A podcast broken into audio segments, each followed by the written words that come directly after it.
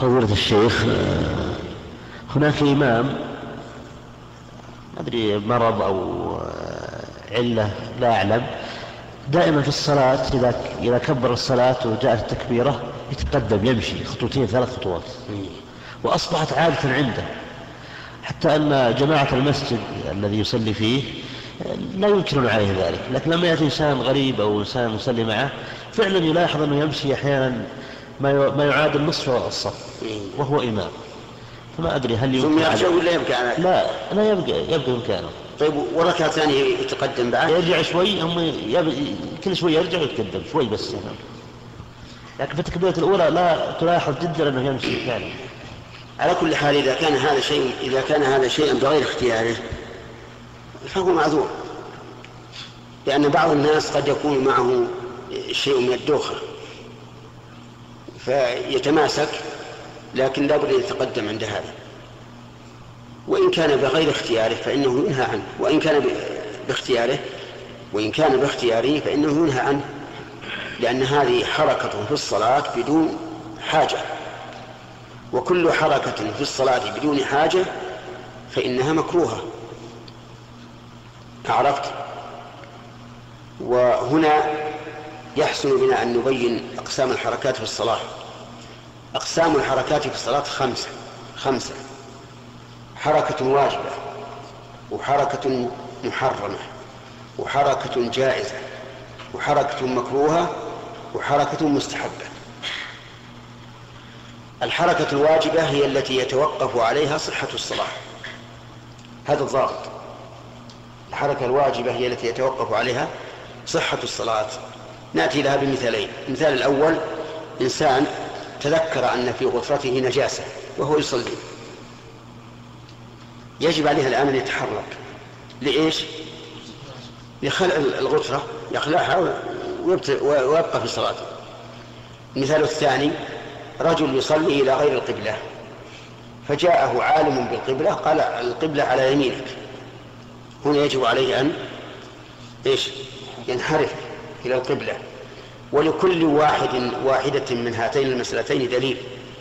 أما المسألة الأولى فدليلها أن النبي صلى الله عليه وعلى آله وسلم كان يصلي في نعليه وفيهما قدر لم يعلم به فجاءه جبريل فأخبره بذلك فخلع عن عليه ومضى في صلاته. وأما الثانية فإن أهل قباء كانوا يصلون صلاة الفجر إلى جهة بيت المقدس. مكة وراءهم فجاءهم آت فقال لهم إن النبي صلى الله عليه وعلى آله وسلم أنزل عليه قرآن وقد أمر أن يستقبل القبلة فاستقبلوها فانحرفوا وهم يصلون. هذه حركة واجبة. الحركة المستحبة هي التي يتوقف عليها فعل مستحب. هذا ضابطها التي يتوقف عليها فعل مستحب. مثال ذلك انفتحت فرجة أمامك في الصف سد الفرج. سنة. تقدمت لهذه الفرجة. هذه حركة. هذه حركة مستحبة. وكذلك تقارب الصف. فصار بينك وبين جارك فرجة فقربت منها. هذا أيضا آه، تقارب مستحب. كذلك تقدمت على الصف قليلا أو تأخرت إذا قلنا بعدم وجود التسمية هذه حركة مستحبة. الحركة المحرمة هي الحركة التي تنافي الصلاة. يعني أنها كثيرة بحيث يقول من رآك تتحرك إنك لست في صلاة هذه محرمة. وضابطها أن تكون كثيرة متوالية. الحركة المكروه آه، آه، المكروه المكروهة هي الحركة القليلة بلا حاجة. مثل ما يحصل من بعض الناس عبث يعبث في قلمه في ساعته في عقاله في مشلحه بدون حاجة. هذه مكروهة. الحركة الجائزة هي الحركة اليسيرة إذا كانت لحاجة أو الحركة الكثيرة إذا كانت لضرورة. انتبه. مثال الحركة اليسيرة للحاجة. إنسان يشق عليه أن يصلي على الأرض مباشرة لأنها حارة أو لأن فيها شوكا أو فيها حصى يؤلم جبهته. فصار يتحرك يضع المنديل يسجد عليها. هذه حركة جائزة ولا جائزة؟ لأنها لحاجة لكنها يسيرة. والمنديل ينبغي أن يكون واسعا بحيث يتسع لكفيه وجبهته. لكفيه هذا هو الأحسن.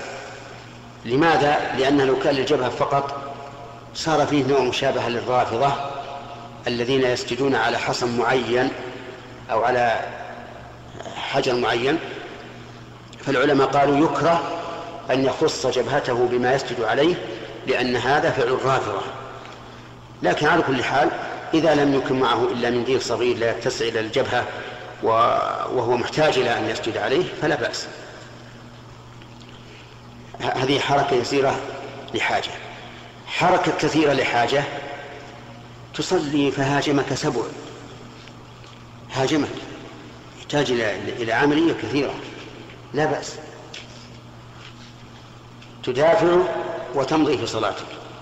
لقوله تعالى فإن خفتم فرجالا أو ركبانا. يعني إن خفتم على أنفسكم فصلوا رجالا يعني على أرجلكم ولو كنت تهرب أو ركبانا. هذه أقسام الصلاة أقسام الحركات في الصلاة. فاحرص على أن تخشع جوارحك وأن يخشع قلبك حتى تكون صلاتك تامة. وقد امتدح الله الذين هم في صلاتهم خاشعون.